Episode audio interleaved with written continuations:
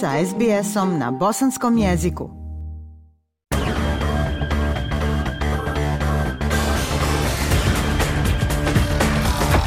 Slušate program SBS radija na bosanskom. Ovogodišnje svjetsko prvenstvo u sred pustinje jedno je od najluksuznijih koje će se održati – ali dok će igrači i gledaoci uživati u najsavremenijim objektima u Kataru, zagovornici ljudskih prava dovode u pitanje koja je ljudska cijena tih objekata.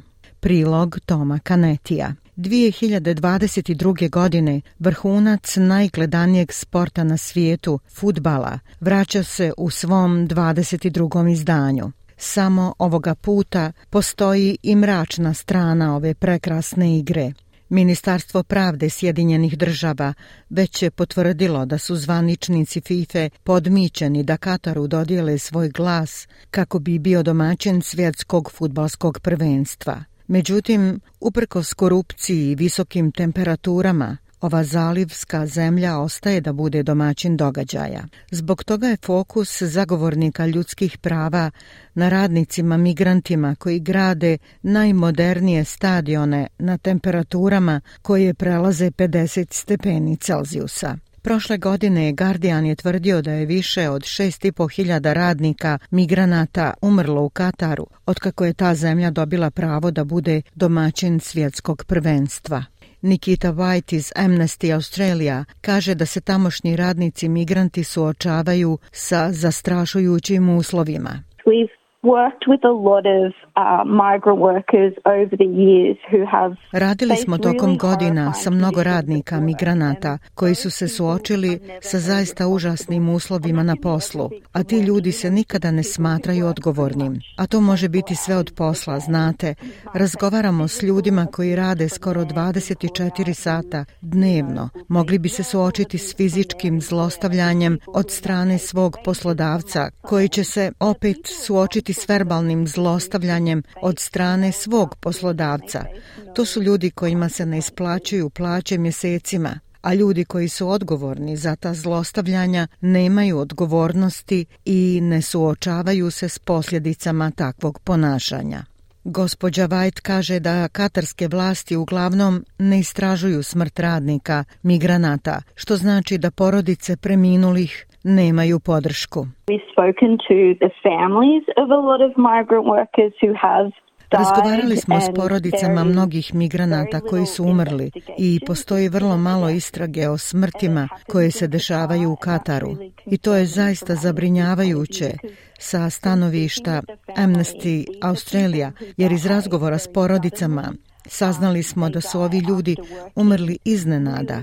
Oni su umrli nakon što su radili zaista duge sate na vrućini u Kataru. Tako da je njihova smrt zaista zabrinjavajuća, očigledno za njihove porodice, ali isto tako mislim da bi cijela zajednica trebala biti zabrinuta. Amnesty kaže da radnici migranti u Kataru, koji uglavnom dolaze iz Pakistana, Nepala i Indije, doživljavaju moderno ropstvo, kroz dužničko robstvo, neisplaćene plate i vezu sa svojim poslodavcem kroz kafala sistem.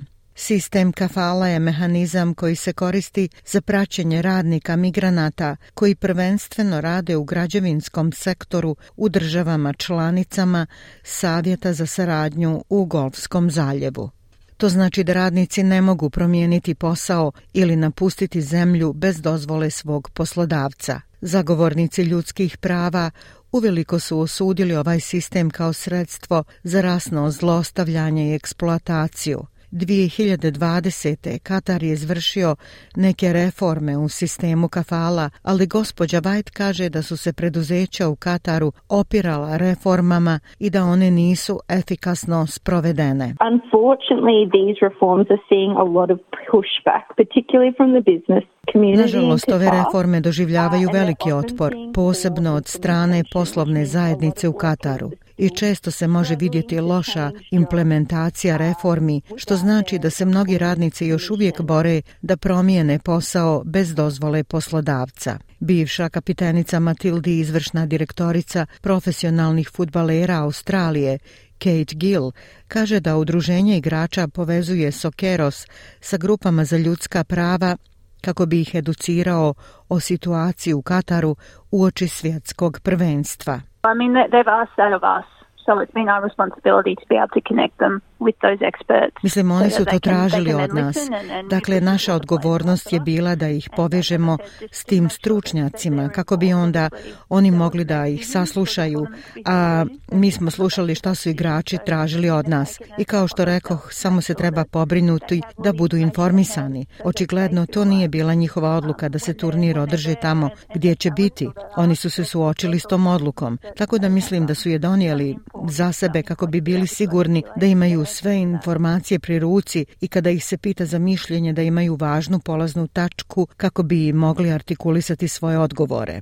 Gospođa Gil kaže da su govornici povezani s profesionalnim futbalerima Australije otvorili dijalog između igrača i radnika migranata u Kataru. Um, to je bilo olakšano preko naših povezanih govornika i očigledno oni su na terenu i vrlo budni u vezi s temom, tako da su otvorili dialog u razgovoru s radnicima migrantima i igrači su bili zaista angažovani u tom procesu. Znate, oni su bili odlučni da žele da nauče i razumiju njihova iskustva i preuzeli su na sebe da se postaraju da prisustvuju tim razgovorima. Mustafa Kadri, izvršni direktor Equidema, dobrotvorne organizacije koja radi na zaštiti ljudskih prava za marginalizirane zajednice u zemljama koje uključuju i Katar, kaže da je vlada Katara uhapsila 60 radnika migranata zbog protesta protiv njihovih uslova rada ranije ove godine. So there's a really big concern there Dakle, tu postoji zaista velika zabrinutost. Prvo da imamo sistem uprko svim pričama o reformi u Kataru koji i dalje kažnjava radnike kada se žale na situaciju, da uprko tome radnici ne dobijaju platu i da je veoma efikasan u kažnjavanju i izbacivanju iz zemlje. A opet kada je u pitanju jednostavna isplata ovih radnika, to ide vrlo, vrlo sporo. Tako da je to zaista prilično uznemirujuća situacija koja postavlja mnoga pitanja o tome da li je Katar zaista spreman da bude domaćin međunarodnog događaja kao što je svjetsko prvenstvo, obzirom na činjenicu na veoma loš izvještaj o poštivanju radničkih prava. Gospodin Kadri postavlja pitanje da li su neke takozvane reforme zapravo promijenile uslove za radnike migrante. Is this a cynical ploy? Have we all been duped by Qatar over the last Da li je to ciničan trik? Je li nas sve prevario Katar u posljednjih nekoliko godina? Jesu li ove reforme zaista bile samo paravan za ono što je stvarnost kojoj nije suđeno da se mijenja? Izvor iz katarske vlade rekao je za SBS News, navodimo. Država Katar je poduzela velike reforme rada i implementirala niz transformativnih mjera kako bi zaštitila prava gastarbajtera posljednjih godina. Ove mjere uključivali su ukidanje kafala sistema, uklanjanje izlaznih dozvola za sve radnike, uklanjanje barijera za promjenu posla i uvođenje univerzalne nediskriminatorne minimalne plate kao i zabranu rada na otvorenom tokom određenih ljetnih sati. Ja sam Aisha Hadži Ahmetović. Ostanite uz program SBS Radija na bosanskom jeziku. SBS na bosanskom. Podijelite naše priče preko Facebooka. Želite poslušati još ovakvih priča? Slušajte preko Apple podcasta, Google podcasta, Spotify ili kako god da primate svoje podcastove.